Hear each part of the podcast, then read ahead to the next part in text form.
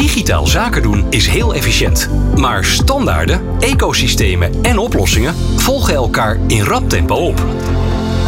Hoe vind je de weg in deze complexe en snel veranderende digitale wereld? Luister naar de podcastserie van Trade Interop en je bent op de hoogte van alles wat er speelt rondom e-facturatie.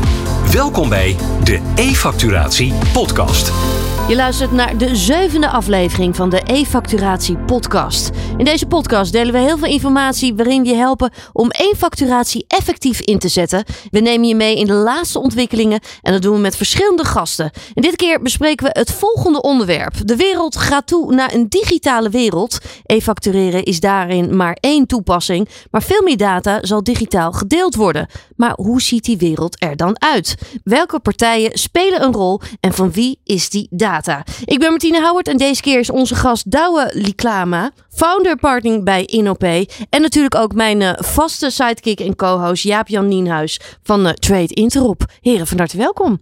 Fijn dat jullie er zijn. Ja, dankjewel. Nou zat ik toch eventjes te twijfelen of ik het goed uh, zei, Douwe, je achternaam. Ik herkende wel mijn achternaam. Liklama. Ja, Liklama. Ja, kijk, heel goed.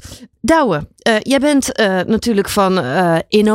Je hebt ook echt wel aan het begin gestaan, natuurlijk ook echt van, van Peppel. kun je eventjes ook uitleggen waar InnoPay precies voor staan en wat jullie allemaal doen?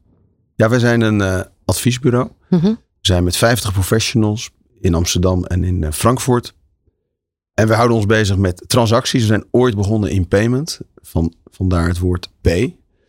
Maar afgelopen twintig jaar hebben we steeds meer andere plekken gevonden waar we diezelfde soort manier van denken uh, kunnen toepassen. En al vrij snel nadat we in payment gestart waren, zijn we ons ook gaan bezighouden met elektronisch factureren en ook digitale identiteit. Ja. En de laatste jaren uh, data delen in het algemeen. Want eigenlijk is dat het grote plaatje en is betalen, factureren, identiteit. Dat zijn allemaal ook datadeelsituaties. En zo inderdaad uh, uh, mede grondleg geweest van de adoptie van Peppel in Nederland. Ja, belangrijke stap. Iets wat we natuurlijk eigenlijk iedere keer ook wel weer met elkaar uh, bespreken. Jaap-Jan, wat is jullie verhouding en jullie relatie? Hoe moet ik dat voor me zien? Hoe werken jullie samen? De laatste jaren te weinig zou ik zeggen. Um, wij zijn, uh, we hebben samen, ik heb bij InOP gewerkt. Uh, dus bij het ontstaan van Peppel in Nederland uh, heb ik heel veel met Douwe samengewerkt. En um, ja, dat was een, was een hele mooie tijd. Dus zo ken ik Douwe. Ja, mooi. We gaan zo meteen beginnen met uh, uh, de rubriek, de vaste rubriek, de woorden van. Uh, deze keer bespreken we dan ook eigenlijk wel de digitale wereld en de toekomst ervan. En hoe gaat die er nou een beetje eruit zien? Dat gaan we vandaag bespreken. maar eerst eventjes, dit is inmiddels al de zevende aflevering. Ja, heb je misschien ook wel eventjes een, een, mooi momentje om terug te blikken, toch? Ja, ja inderdaad. Lijkt me, lijkt me inderdaad goed. We hebben afgelopen nou ja, afgelopen periode uh, uh, verschillende onderwerpen door de vuur laten passeren. Um, we zijn natuurlijk begonnen met uh, nou ja, de, de, overheid hier aan tafel. Hè, die vertelde over wat, hoe, wat het belang is van Peppel voor, voor de overheid. Ja. Um, en dat zij Peppel als infrastructuur echt een essentiële infrastructuur vinden om elektronisch factureren en straks ook e-procurement, e-ordering, et cetera van de grond te krijgen. We hebben ook stilgestaan samen met, uh, met Moneybird bij uh, hoe krijg je nou adoptie uh, van de grond en wat is het belang van ERP-pakketten daarin. En een van de belangrijkste dingen die ik daar wel uit meegekregen heb is dat um, een van de krachten van Peppel is dat hij de wereld van zeg maar, de ZZP'er en de MKB'er met zijn boekhoudpakket en de wereld van uh, de grote corporate met zijn, uh, met zijn software, zijn inkoopsoftware uh, aan elkaar verbindt. Ja. En dat is denk ik een, een, belangrijk iets geweest. En dat, dat hebben we besproken met, met Moneybird en ook de rol die, die ERP's daarin hebben. We hebben het gehad over gebruiksgemak. Hè. Dat, die term is heel vaak gevallen. Want hoe krijg je nou iedereen over op uh, elektronisch factureren. Ja. Nou, dan moet het in elk geval makkelijker zijn dan e-mail en beter dan e-mail. Ja, de usability is dan heel Ja. erg belangrijk. Ja, ja. En we hebben met Citizen M gehad over het internationale aspect ervan. Dus uh, wat als je niet alleen maar facturen in Nederland uh, wil versturen en ontvangen, maar over de hele wereld. En welke technologie heb je dan en welke rol speelt Peppel daarin? Dus dat was ook, een, uh, dat was ook uh, nou ja, leerzaam om te zien hoe internationale spelers ook dit soort technieken en met, met dit soort uh, adoptie bezig zijn. Ja, Nou, we hebben met UWV gesproken over hoe implementeer je nou eigenlijk hè, binnen je organisatie. Wat komt daarbij kijken? En, en vooral het belang van communicatie en samenwerking, zowel intern. Hè, de collega's, hoe krijg je mensen van inkoop? Je moet, je moet intern ambassadeurs creëren eigenlijk. Uh, maar ook extern. Dus hoe krijg je je leveranciers mee? En ook daarin is communicatie enorm belangrijk. Hm. Dus dat, uh, dat vond ik ook een mooie podcast uh, met, met hele concrete handvaten voor, voor partijen om aan de slag te gaan met die implementatie. En dan nou ja, hebben we het gehad over onboarding met Nick van Tree Finance. Over onboarding en hoe neem je je leveranciers nou echt mee? Wat voor strategie kun je daarin, kun je daarin volgen? En wat is het belang van ook weer van communicatie daarin? Ja, ook daar veel handige tips ook weer. Ja, ja inderdaad. En dan met, uh, met Exact. En uh, met name over, uh, hè, we hebben natuurlijk een andere technologie in factureren. Dat is scan en herken. En hoe verhoudt zich dat nou? En hoe, nou ja, hoe kan iemand die aan de slag wil met e-factureren, hoe kijkt die aan tegen scan en herken en dat soort, dat soort technologieën? Ja. Hele interessante onderwerpen.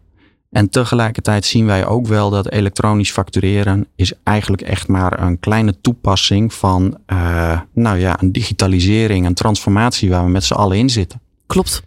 Wij willen heel graag in deze laatste podcast vooruitkijken naar wat, wat is dat nou? Hoe ziet die wereld eruit? En wat zijn andere uh, aspecten daaraan? Ja, dus, uh, meer het totale plaatje van die digitale wereld. Yes. Eigenlijk ook met elkaar gaan bespreken. dat brengt ons bij de eerste rubriek, de woorden van. Douw, ben je er klaar voor? Ja, ja? dat gaat blijken. Ja, oké. Okay. De woorden van... Douwe Liklama. Douwe, wereldreis of vakantie in eigen land? Wereldreis. Denken of doen?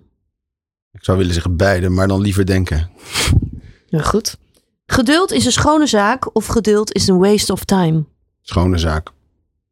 Nieuwe producten ontwikkelen of bestaande producten perfectioneren? Nieuw. Ja, nieuwe, nieuwe dingen ontwikkelen? Ja. ja? E-facturatie, verplichten of verleiden? Uh, verleiden. Je zei, geduld is een schone zaak. Heb je veel geduld nodig in je werk? Ja. Kun je dat eens uitleggen? Ja, als, als je het hebt over. Ik, hou, ik, hou, ik ben altijd natuurlijk aangetrokken tot nieuwe dingen. Ik probeer altijd uh, een soort. Ja, vanuit nieuwsgierigheid naar uh, ja, ontwikkelingen in gang te zetten. En dat is dat elektronisch factureren is echt wel een leuk voorbeeld daarvan.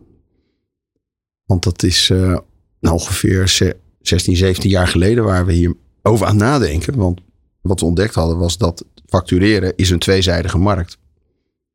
En de oplossing daar vaak voor is dat je dan een partij in het midden zet. En die gaat dan de verzenders en ontvangers op zijn platform proberen te krijgen.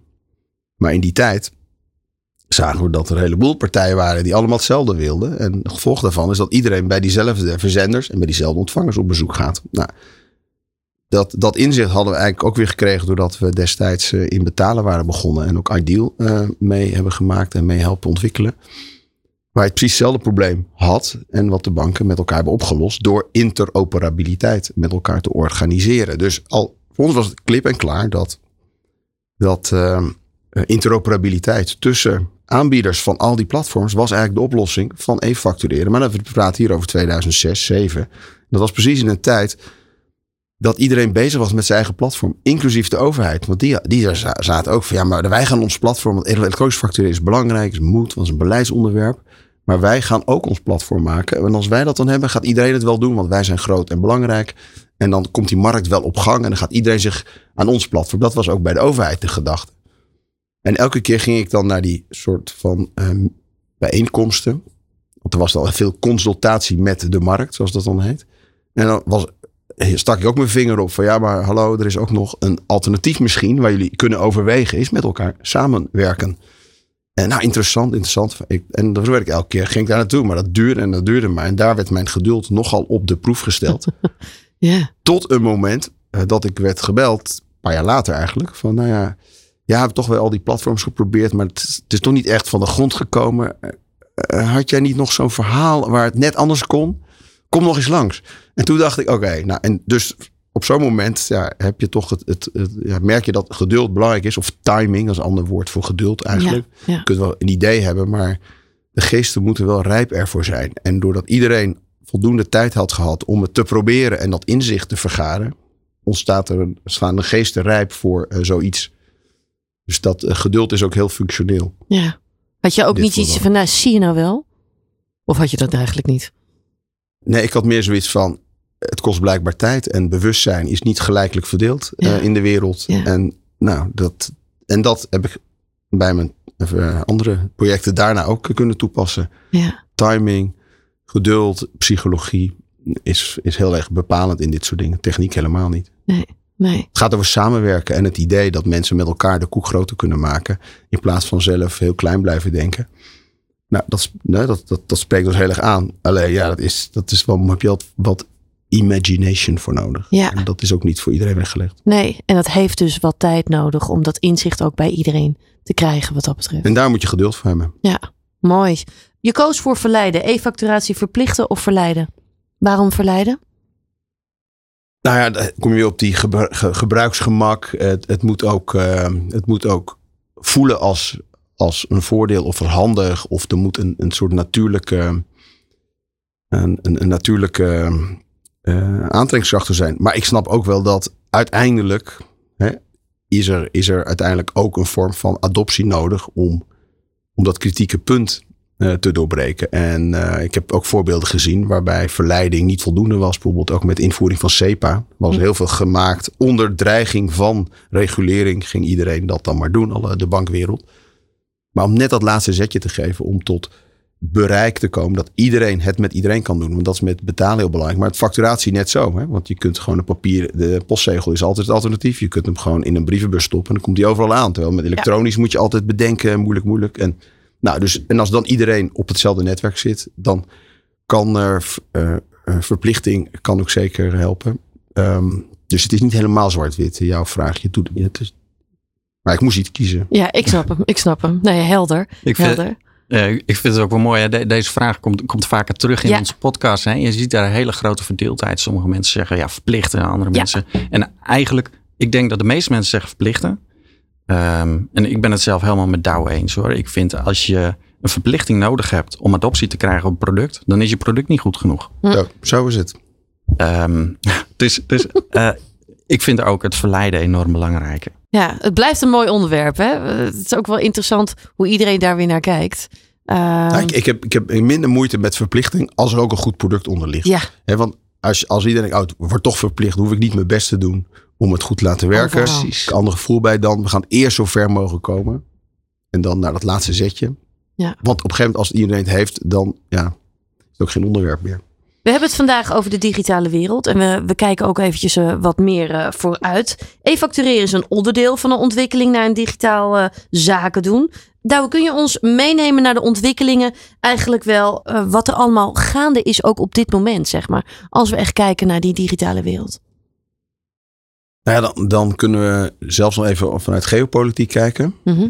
En dat wij, wij in Europa anders kijken naar digitalisering dan in Amerika of in China. Eh, simpelweg omdat wij niet beschikken over hele grote big tech eh, spelers. En er is eh, eigenlijk de afgelopen nou, jaren, en dat zie je, is er een wind gaan waaien. Eigenlijk de afgelopen 15 jaar, eigenlijk zolang als wij met dit onderwerp bezig zijn. is de wind meer in Europa gaan waaien vanuit dat, dat data, datasoevereiniteit. En dat, dat jij als, als, als individu, maar ook als organisatie, en daar is facturatie hoort daar dan bij, meer controle zou moeten hebben over je data. Dat, dat gegeven, dat, dat zit door heel veel Europese eh, regulering, eh, zit dat erin. En dat betekent feitelijk dat je, eh, nou, dat- dat we naar dus ecosystemen gaan van partijen die met elkaar data uitwisselen. Mhm. In tegenstelling tot alles via draaischijven te laten lopen. Nou, en even dat, en dat hele, dat hele idee van datasoevereiniteit moet je voorstellen. Dat, dat is dat jij als nou, dat jij controle hebt over je data. Net, net als ehm, je eigenlijk vanuit de AVG hebt eh, gekregen. Je hebt nu heel veel rechten, maar er is nog geen echte mogelijkheid om je rechten uit te oefenen met de AVG. Hè? Want, je, want je moet elke keer gewoon klikken en je hebt nog steeds heel veel ehm, ja, alle moeilijkheid wordt op jou afgewenteld. Want jij moet elke keer op eh, oké klikken bij, bij al, die, eh, al, al die websites. Het hele idee van, eh, eh, van, van waar we in Europa naar op weg gaan, is dat jij in staat bent om, om jouw data mee te nemen van, van dienstverlener naar dienstverlener. Dat die meer bij jou, bij jou horen. Beetje vergelijkbaar met dat jij met een gsm-nummer, kan jij je nummer meenemen naar een andere provider. Ja. Terwijl als, je, als jij eh, belt via WhatsApp, dan kan dat niet. En het gekke is dat we gewend zijn geraakt met z'n allen aan, aan oké, als we gewoon bellen met 06-nummer. Hoef alleen maar 06-nummer te weten. Ik hoef niet te weten bij welke telecomprovider jij zit. Terwijl als we gaan bellen met al die moderne big tech dingen, moet ik altijd eerst met je afspreken. Ja, zit je nou bij Insta of bij WhatsApp of met Telegram? En, hoe kan ik, en waarom kan ik niet van WhatsApp naar Telegram bellen? Terwijl we dat met mobiele, met mobiele wel normaal vinden. Maar en daarom zie je, en daarom vind ik het ook des te storender om dus in de publieke ruimte bordjes te zien met WhatsApp buurtwachtbordjes.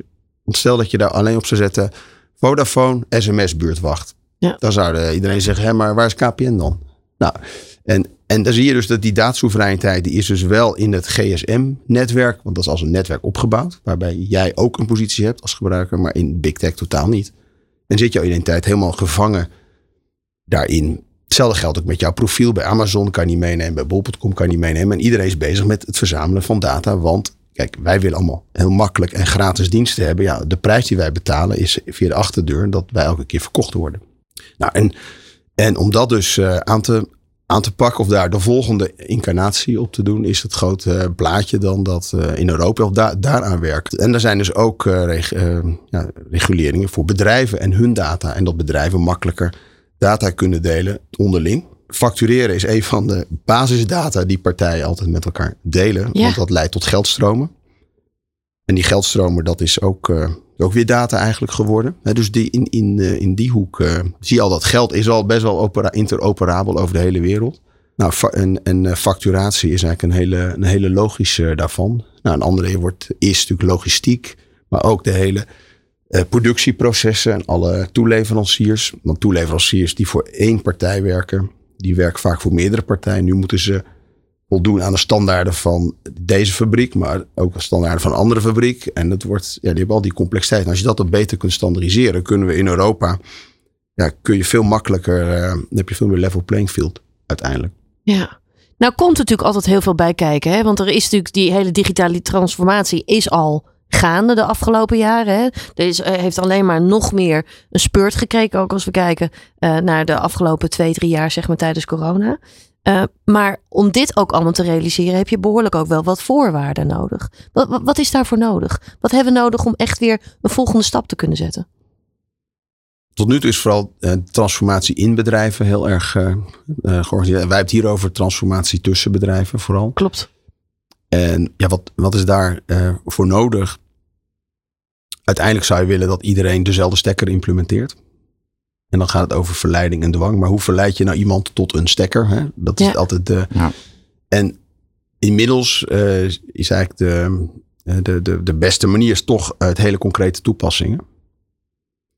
Waaronder facturatie. Want facturatie, als dat niet werkt, ja, dan, eh, dan werkt je bedrijf niet. Hè? Dus dat is wel een hele sterke, ster- sterke trekker daarin.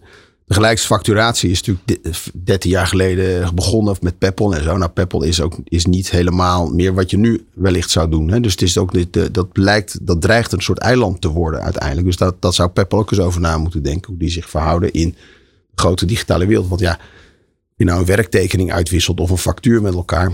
Ja, dat maakt voor, de, voor die techniek niet uit. Hè? Dus, de, dus, dus, dus dat, dat is in ieder geval. Dus in ieder geval de, de, de, de, de voorwaarde is. Uh, dus use case. Dus Mhm. echt, echt uh, waarde in het, in het proces. Dus het moet leiden tot meer omzet of tot lagere kosten. En ook een, uh, toch ook een stukje governance tussen partijen. Ja, dus dat, dat als je een standaard elkaar afspreekt, dat je ook afspreekt wie gaat dan waarover en hoe kan je hem, hoe kan je hem dan veranderen en dergelijke. Nou, dat zie je bij Peppel is dat zeker ook geregeld. Maar er is wel een hele grote stem van, van, van de overheid, ook daarin. En dat, uh, ja, voor de rest is het niet, is het vooral ook uiteindelijk mensen. Dus het gaat over de wil van mensen om met elkaar samen te werken. En de neiging van eigenlijk alle organisaties is het te organiseren voor jezelf. En, en, en, en er is altijd maar een paar verlichte geesten die denken, die net over hun eigen organisatiegrenzen kunnen. kunnen nou, het meest kunnen wel denken, maar het echt doen is dan vervolgens uh, uh, weer nog een kleine groep die dat doet. Dus dat, dat is altijd wel een kritische, ik denk, ja, eh, ik vind altijd zelf een van de complexe dingen is heel vaak worden dit soort initiatieven in silo's opgepakt. Ja. En binnen een silo, zeg maar, uh, gedaan. Maar op een gegeven moment moet het die, uh, moet het die silo uit. Dus bijvoorbeeld um, een industrie, zoals bijvoorbeeld in de bouw. Een industrie, de bouwsector kan met elkaar af, afspreken van, nou, wij gaan dit initiatief verder brengen. Interoperabiliteit over bouwtekeningen. Um, uh, maar uiteindelijk moet er verder gekeken worden dan alleen maar die industrie. En ik ben wel benieuwd, Douwe, hoe jij aankijkt tegen welke rol uh, de overheid daarin heeft. En of daar misschien dan een valide rol van de overheid, van overheden of van Europa ligt. Om ervoor te zorgen dat sectoren en silo's met elkaar blijven praten. Want ik vind dat altijd een enorm complex onderwerp. Hoe krijg je mensen in een industrie die vooral gefocust zijn op hun eigen probleem, uh, toch uh, een soort industrieoverschrijdend laten kijken naar wat zijn nou de beste oplossingen. Ja, dan kom je op inderdaad cross-sectoraal uh, denken en datadelen. Daar is veel, veel eh, aandacht voor, zeker vanuit uh, beleidsmaking. Mm -hmm. En een van de inzichten van de afgelopen jaren uh, is, is ook inmiddels, en inmiddels ook geadopteerd, eigenlijk in iedereen wel die hiermee bezig is, is dat in datadelen zijn er, als je dat wil oplossen, technisch en, en, juridisch en, functioneel zijn er een aantal dingen die dus specifiek voor de toepassing zijn, voor de bouw. En daarbinnenin allerlei andere toepassingen. Maar er zijn ook een aantal dingen die heel erg generiek zijn, die eigenlijk een soort satéprikker zijn door al die toepassingen heen. En dan, dan gaat het over de, bijvoorbeeld, hoe leg je identiteit vast van de organisatie? Leg je de, de, leg je de autorisatie vast van wie mag bij welke informatie. Dus de hele manier waarop dat vastlegt, dat werkt voor alles eigenlijk hetzelfde. En, maar ook bepaalde, tot een zekere hoogte, juridische voorwaarden kan je ook standaardiseren. En, en daar, daar, daar zie ik wel, um, daar is veel te halen. Want dan kan je namelijk, als jij wil, wil data delen voor wat toepassing, dan kan je in ieder geval met iets beginnen wat al onbetwist voor iedereen hetzelfde is. Je moet het vergelijken met de snelweg, die is ook cross-sectoraal. Die werkt voor allerlei sectoren. Daar hebben we ook een soort minimum gevonden van oké, dit werkt voor trekkers, dit werkt voor bouwmachines, voor personenauto's, zelfs voor fietsen. Maar het werkt ook ja, voor uh, zakelijke dienstverleners en voor productiebedrijven. Dus dit is heel generiek. TCP/IP van internet heeft, is ook zo heel generiek. Ja. GSM is heel generiek. Dus we zijn nog een beetje zoekende. En daar werken wij als, uh, als ook uh, heel erg aan onder andere ook in de datadeelcoalitie. Er zitten allerlei bedrijven bij elkaar die met elkaar cross-sectoraal datadeel use case oplossen, maar wel met als doel om te komen tot die generieke laag die voor iedereen hetzelfde is. En, en, en dan zodat andere partijen die dan later dit soort dingen gaan doen, kunnen daar weer, weer opbouwen. En je ziet dus ook in die, uh, in die programma's die, uh, die door Europa gestimuleerd worden, is het ook het, het zoeken hierna is, uh, is, is een belangrijk thema. Hm. Het is op te lossen. De, ik heb technisch gezien uh, weinig twijfel. De grootste uitdaging evenwel is het adoptie, zoals we dat dan ja. noemen. Maar dat is eigenlijk het in toepassing brengen van uh, ja. deze, deze. En ja. dan is facturatie wederom is gewoon een prachtige use case die niemand zal betwisten. Nee, dat, dat is waar. En tegelijkertijd, als we kijken naar wa, wat uh, die adoptie van elektronisch factureren, um, nou ja, dat is onomkeerbaar. Dat gaat nu gebeuren. Uh, en toch is dat uh, nog steeds een belangrijk dossier waar we elke dag zeg maar, mee bezig zijn. En hoe dat, hoe dat nou komt, is um, uh, als wij praten met bedrijven, de verandering die elektronisch factureren met zich meebrengt, is dat ze in plaats van op hun eigen bedrijf gericht zijn en het optimaliseren van mijn bedrijfsprocessen, moeten ze nadenken over het optimaliseren van de keten. Dus het is een transformatie van denken over mijn eigen bedrijfje naar denken over de keten heen. En die transformatie is best moeilijk te maken voor mensen binnen organisaties. Dus uh, uh, overheden, maar ook grote organisaties, kleine organisaties, een stap maken om na te denken over en hoe kan ik mijn hele, nou ja, mijn logistieke keten of in elk geval mijn, mijn keten, hoe kan ik die optimaliseren? Dat blijkt best lastig. Uh, een dagelijks hoofdpijndossier. Zeg maar. Nou ja, en, en, en Douw, jij stipt het eigenlijk aan. Hè? Want het gaat dan niet zozeer om de techniek, maar vaak meer om de psychologie erachter. En ik kan me ook zo voorstellen, uh, what's in it for me? Hè? Dus wat heb ik er dan echt aan als je gewend bent om meer vanuit je eigen visie en vanuit het bedrijf alleen te denken? Ja, wat, wat heb ik er dan echt aan? Wat, wat is dan echt de toegevoegde waarde? Nou, Waarom zou ik het nu veranderen? Waarom zou ik het anders doen dan ik gewend ben? Nou, dat, uh, dat klopt. En, uh, en als je dan in een groot bedrijf werkt en jouw ja, positie. Je bent er nog een paar jaar nog op die positie. Dus waarom, waarom zou je dingen doen die pas over als je Ja. weg bent effect hebben? En dus dit soort hele ja, eh, praktische dingen eh, loop, je, loop je zeker eh, tegenaan. Maar als ik jou zo hoor, dan als jij over facturatie binnenkomt, dan trek je een soort eh, kast open. En dan heb je in één keer een heleboel andere onderwerpen. eh moet je, moeten eerst opgelost worden voordat eindelijk die factuur verstuurd kan worden. Is, is, is dat ongeveer jouw, eh, jouw realiteit? Ehm, nou, meer dat, dat mensen anders moeten nadenken. Ehm, eh, niet meer op eh, mijn eigen eh, bedrijfsproces. Maar hoe kan ik het hele proces beter maken? Hè, en, en een heel concreet voorbeeld. Jij noemde ook eventjes eh, what's in it for me. Hè? Ja. Nou, bij elektronisch factureren is dat een enorme onderwerp. Want ehm, sommige ontvangers die kunnen 80 euro per factuur besparen als die elektronisch wordt aangeboden. Dus die gaan naar leveranciers vragen: wil je mij een e-factuur sturen? Maar die leverancier die moet daarvoor betalen, die moet daarvoor kosten maken. Dus die heeft iets van: what's in it for me? Ja. Ja. Weet je, dan eh, hier heb je de PDF, veel succes ermee. En eh, die 80 euro, daar merk ik toch niks van. Dus hoe ga je, zeg maar, de voordelen die je hebt met elektronisch factureren op een eerlijke manier door die keten heen eh, distribueren? Hoe ga je leveranciers mee laten delen in de voordelen die elektronisch factureren voor jou als organisatie oplevert? Ja. Ehm, en dat is ketendenken. En eh, ik merk dat dat echt nog elke dag moet je dat, moet je dat mensen tussen de oren krijgen, zeg maar. Ja, Maar wordt, daar- dat, wordt dat ook niet bij inkoopprocessen dan ook een steeds vaster onderdeel van de inkoopvoorwaarden van eh, par- grote partijen in ieder geval, die dat kunnen eisen? En, Ehm, ja, en tegelijkertijd zien we nog heel vaak inkopers die zeggen: Wacht, dit is mijn leverancier, daar blijf je vanaf. Want ehm, eh, ik, heb, ik zit gewoon op de relatie met die leverancier. En ik wil bij wijze van spreken komend weekend met hem naar de golfbaan. Bij wijze van spreken. Ja. Dus ehm, je ziet dat wel steeds meer gebeuren. Tegelijkertijd eh, zie je dat ook juist daarin nog heel veel te doen is. Ehm, dus de transformatie van het denken, zeg maar. Ja, ja. Daar ligt een, een- een grote uitdaging. Als we überhaupt kijken hè, naar, die, naar die transformatie om gebruikers daarin mee te krijgen. Hoe zorg je daarvoor? Hoe zorg je voor adoptie? Eh, je hebt natuurlijk al veel ervaring. Je hebt ook al veel meegemaakt, zeg maar. Hoe kijk je daarnaar? Wat, wat hebben we nodig? Zodat gebruikers het ook echt gaan adopteren. En dat we die stap samen kunnen gaan zetten. ja, dan moet je weer op een hele aantrekkelijke propositie zijn. Ja. Waarom, eh, waarom is, eh, Google Maps zo, eh, zo goede adoptie? Want het is gratis en het is makkelijk. En het lijf levert inderdaad vo- voordelen op. En zo, zo moet je uiteindelijk vanuit aantrekkelijkheid eh, bieden. Maar het is wel zo, dat merk je hier ook weer, dat er een heleboel ja, incentives en motivaties zijn van mensen om iets te gaan doen. De een denkt aan zijn carrière, de andere denkt aan het milieu, want die wil geen papieren hebben. Ja. En weer de andere denkt aan de kosten. Eh, ik kan me ook voorstellen dat er mensen zijn die een, die een bepaalde afdeling eh, leiden. En eh, helemaal geen belang hebben om, eh, om minder mensen op de afdeling te hebben straks. Ja. Eh, en, en dus dat is een hele potpourri van, eh, van motivaties. En heb, heb je vanuit bijvoorbeeld een Ideal, hè? ehm, eh, Ideal is eh, enorm succes geworden. Eh, wat, wat kunnen we daarvan leren? Wat heeft Ideal zo succesvol gemaakt vanaf eigenlijk dag één? Ja, nou wat, wat, wat eh, dat was integratie in eh, bestaande oplossingen.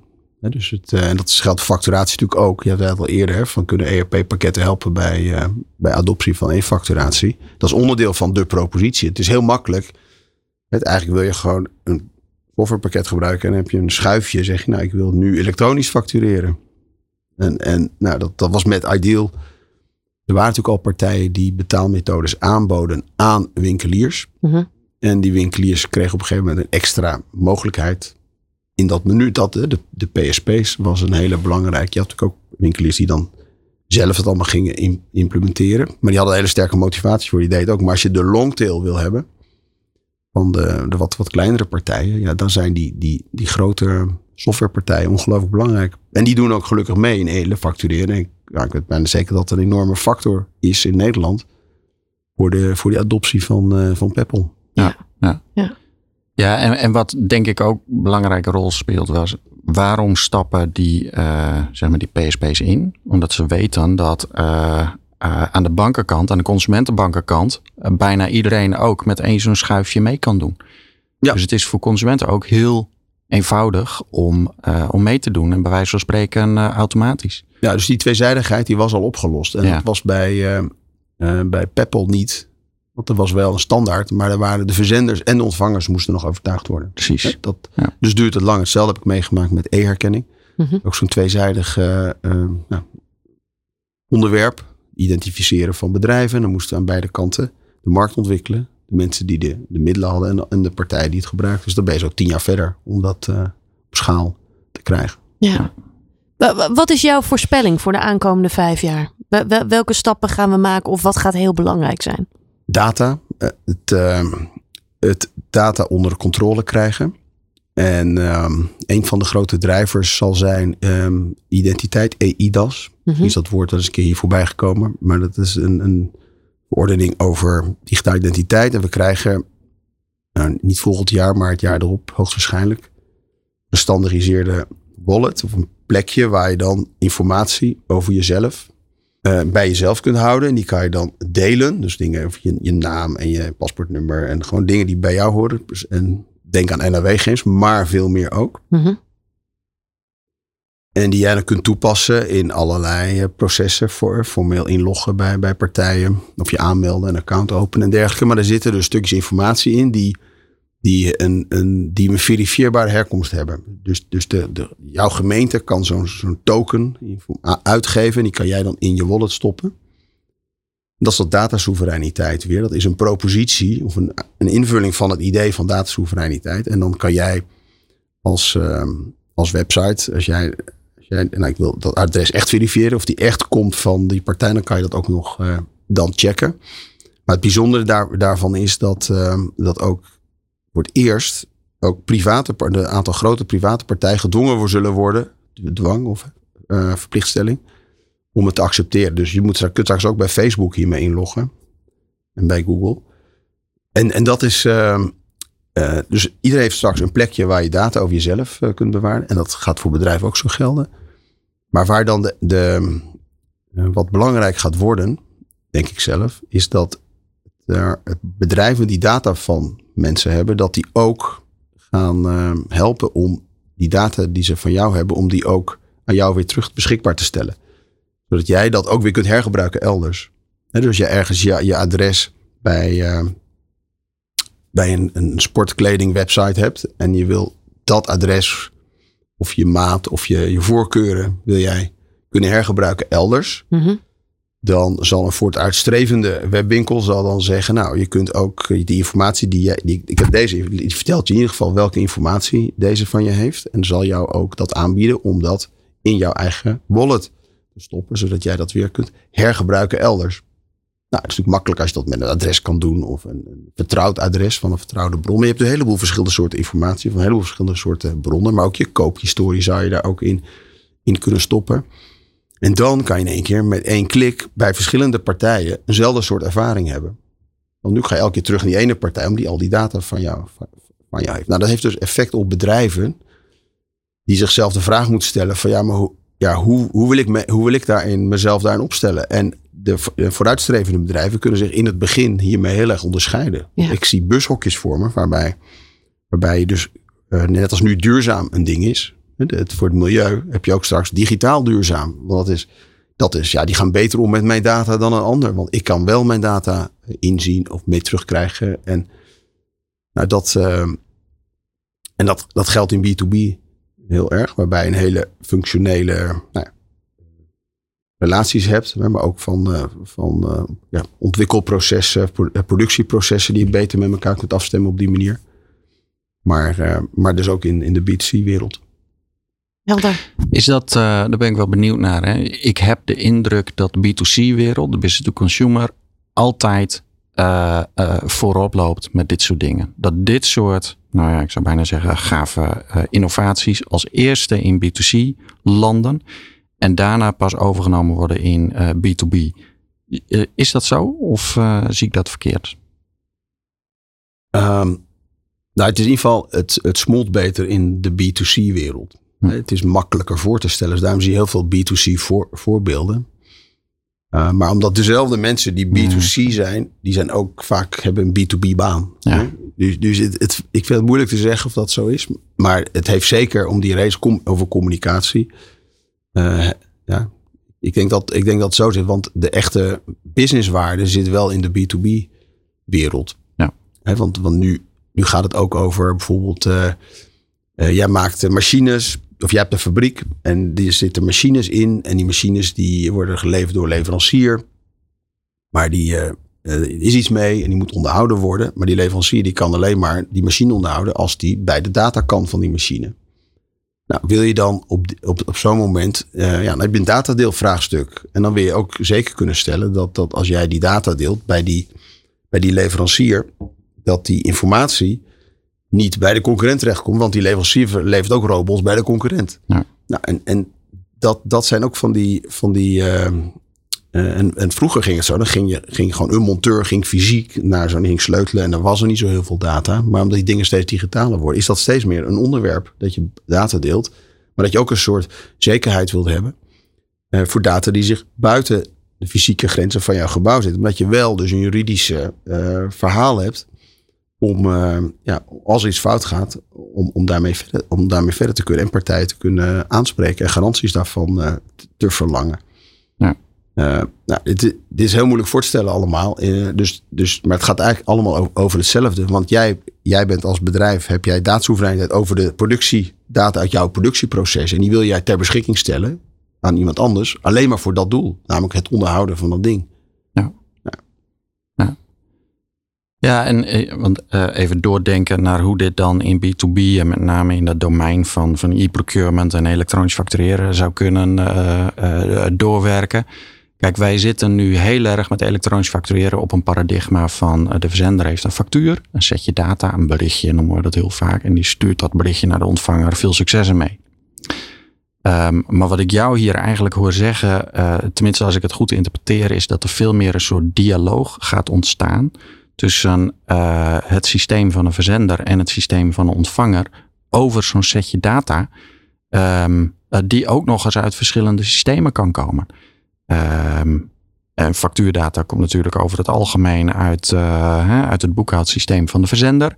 Maar je kunt je allerlei andere systemen voorstellen waarbij ik als verzender zeg van nou, dit setje data mag naar de overkant.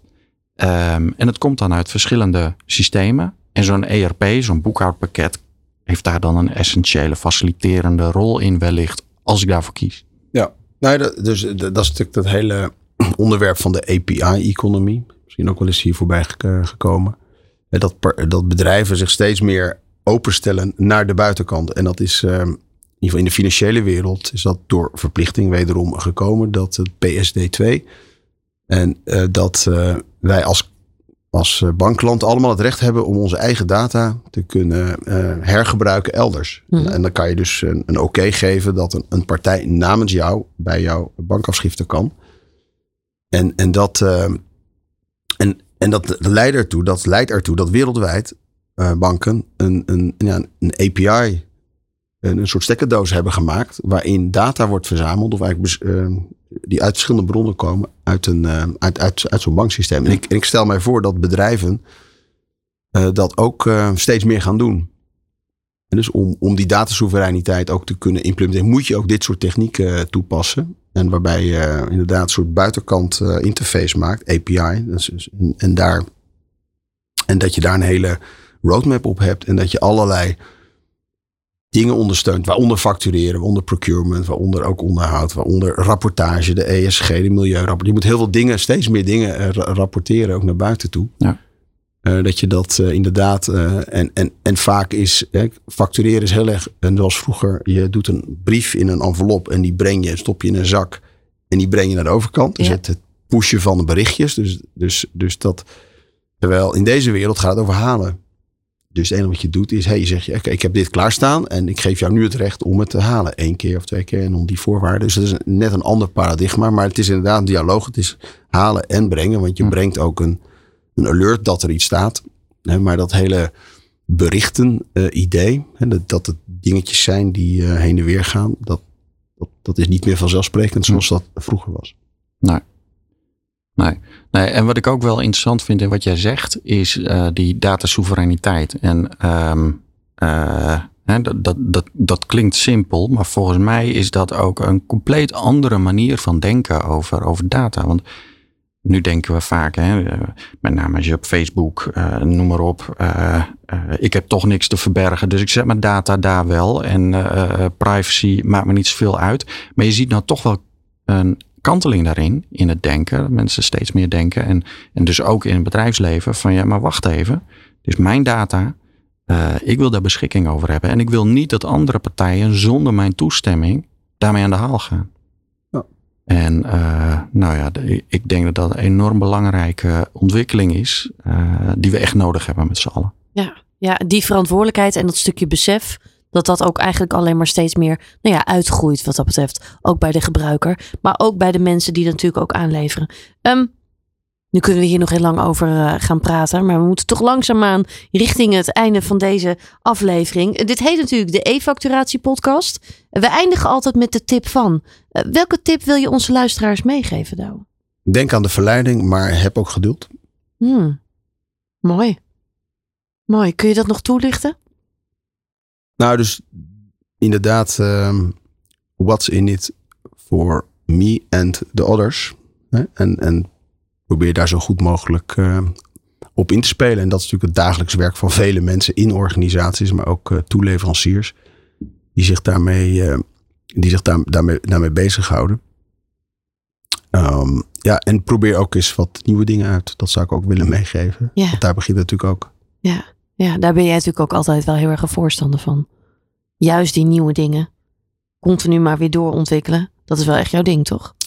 is, is wel mijn ding. Maar tegelijkertijd um, moet je ook iedereen meekrijgen. En uh, moet je ook voortbouwen op wat er ook is.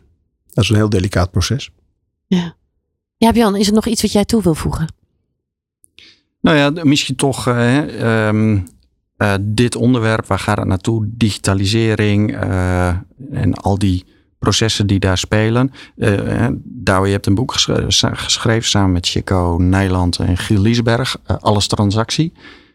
Ik zou toch wel mensen die meer willen weten over wat komt er bij kijken bij dit soort tweezijdigheden en de complexiteit en de problematiek daarvan, die zou ik dan toch dat boek willen aanbevelen. want er staat echt enorm veel in over, nou ja, wat wat gebeurt er nu allemaal? Om dat te kunnen duiden, uh, denk ik dat het interessant is om dat eens te lezen. Alles transacties. Mooi, mooi. Ja, Bjan, dit is natuurlijk de zevende aflevering, hè? de laatste aflevering van deze editie. Wat kunnen we nog meer gaan verwachten?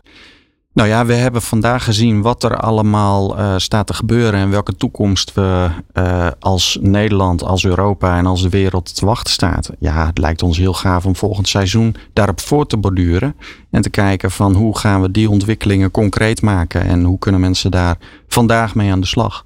Met kleine stapjes. Ik zou zeggen, uh, volgend seizoen meer. daarmee zijn we aan het einde gekomen van deze zevende podcast. Uh, Douwe, ik wil jou heel erg uh, bedanken voor het delen van je visie en je verhaal. Ja, Jan, jij ook heel erg bedankt. Mooie serie hebben we zo uh, gemaakt. En ik wil jou ook heel erg bedanken voor het luisteren. En heel graag tot de volgende keer. Bedankt voor het luisteren naar de e-facturatie podcast. Waarin we je helpen om e-facturatie effectief in te zetten. Ben je geïnspireerd door deze podcast en wil je meer weten? Kijk dan op tradeintero.com. Tot de volgende keer.